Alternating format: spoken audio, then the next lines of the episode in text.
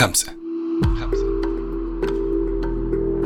الخمسة ممكن تكون أشخاص ممكن تكون مواضيع ممكن تكون مواقف. مش مهم.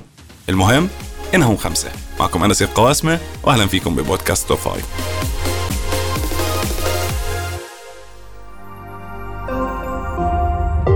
رؤيا بودكاست. اليوم في Top Five رح نحكي عن أغرب خمس مكتبات في العالم ويتم فيها عرض واستعارة أغراض غير الكتب ورح نبلش مع مكتبة المعدات اللي بتسمح لك إنه تستعير منها أي أداة بتحتاجها من منشار كهربائي أو سلالم أو حتى آلات ثقب الصخور. وأنشئت أول مكتبة من هذا النوع في مدينة كولومبوس بولاية أوهايو عام 1976 واليوم بتقرض هاي المكتبة أكثر من 4800 أداة للناس اللي ما بيقدروا أو ما بدهم يدفعوا مئات الدولارات مقابل أدوات غالية الثمن وهم بيحتاجوا استخدامها لمرة واحدة بس. ومن وقتها ظهرت خدمات مماثلة في جميع أنحاء العالم لمساعدة الجيران على مشاركة أدواتهم مع بعضهم البعض وإنجاز مشروعاتهم. مكتبتنا الثانية هي مكتبة الألعاب وهي مكتبة بتسمح للأطفال باستعارة الألعاب للتوفير على الأهل بعض النقود وبتساهم في حفظ كثير من البلاستيك بعيد عن مكب النفايات. وتوجد أقدم مكتبة ألعاب في مقاطعة لوس أنجلوس. بدأت الفكرة عام 1935 من قبل صاحب متجر ألعاب أطفال. لاحظ أنه بعض الأطفال بيسرقوا ألعاب من المتجر وقرر أنه يعمل إشي بهذا الموضوع وهو إقراضها إلهم مجانا وبيخدم هذا البرنامج اليوم 35 ألف طفل كل عام وبيسمح لهم بالوصول إلى أهم موارد الطفولة وهي الألعاب.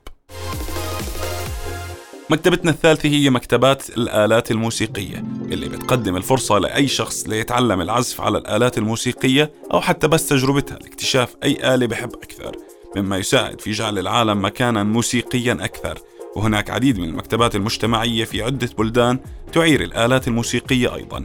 منها مكتبة إقراض الآلات الموسيقية في بروكلين وفي مكتبة تانية في مدينة لافايت أسسها الدكتور ريان كازاريس اللي قال لما أسسها أنه ممكن يكون بيننا مرشح للفوز بجائزة جرامي للفنون والعلوم ولكنه ما بيعرف لأنه ما بيملك المال لشراء آلة موسيقية.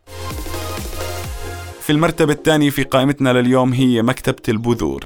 وهي مكتبة بيقوم فيها البستانيون باستعارة البذور من هاي المكتبة في أوقات الزراعة وبعدين بيحتفظوا بجزء من بذور النباتات اللي زرعوها وبعدين بيرجعوها للمكتبة حتى يتمكنوا الآخرين من استخدامها في المستقبل سواء للزراعة أو التعليم.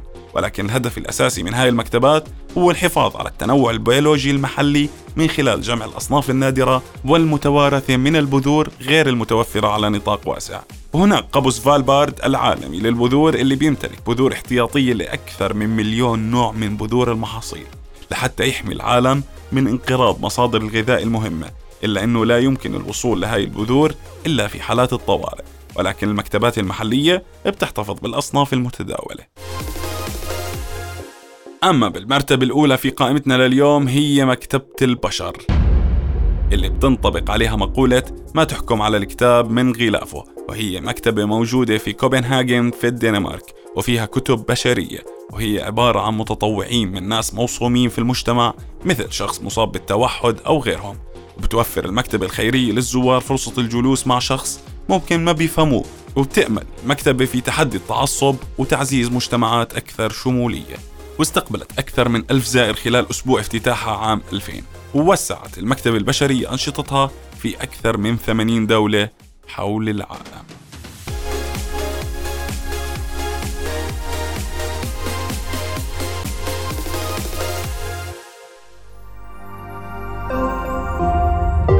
رؤيا بودكاست.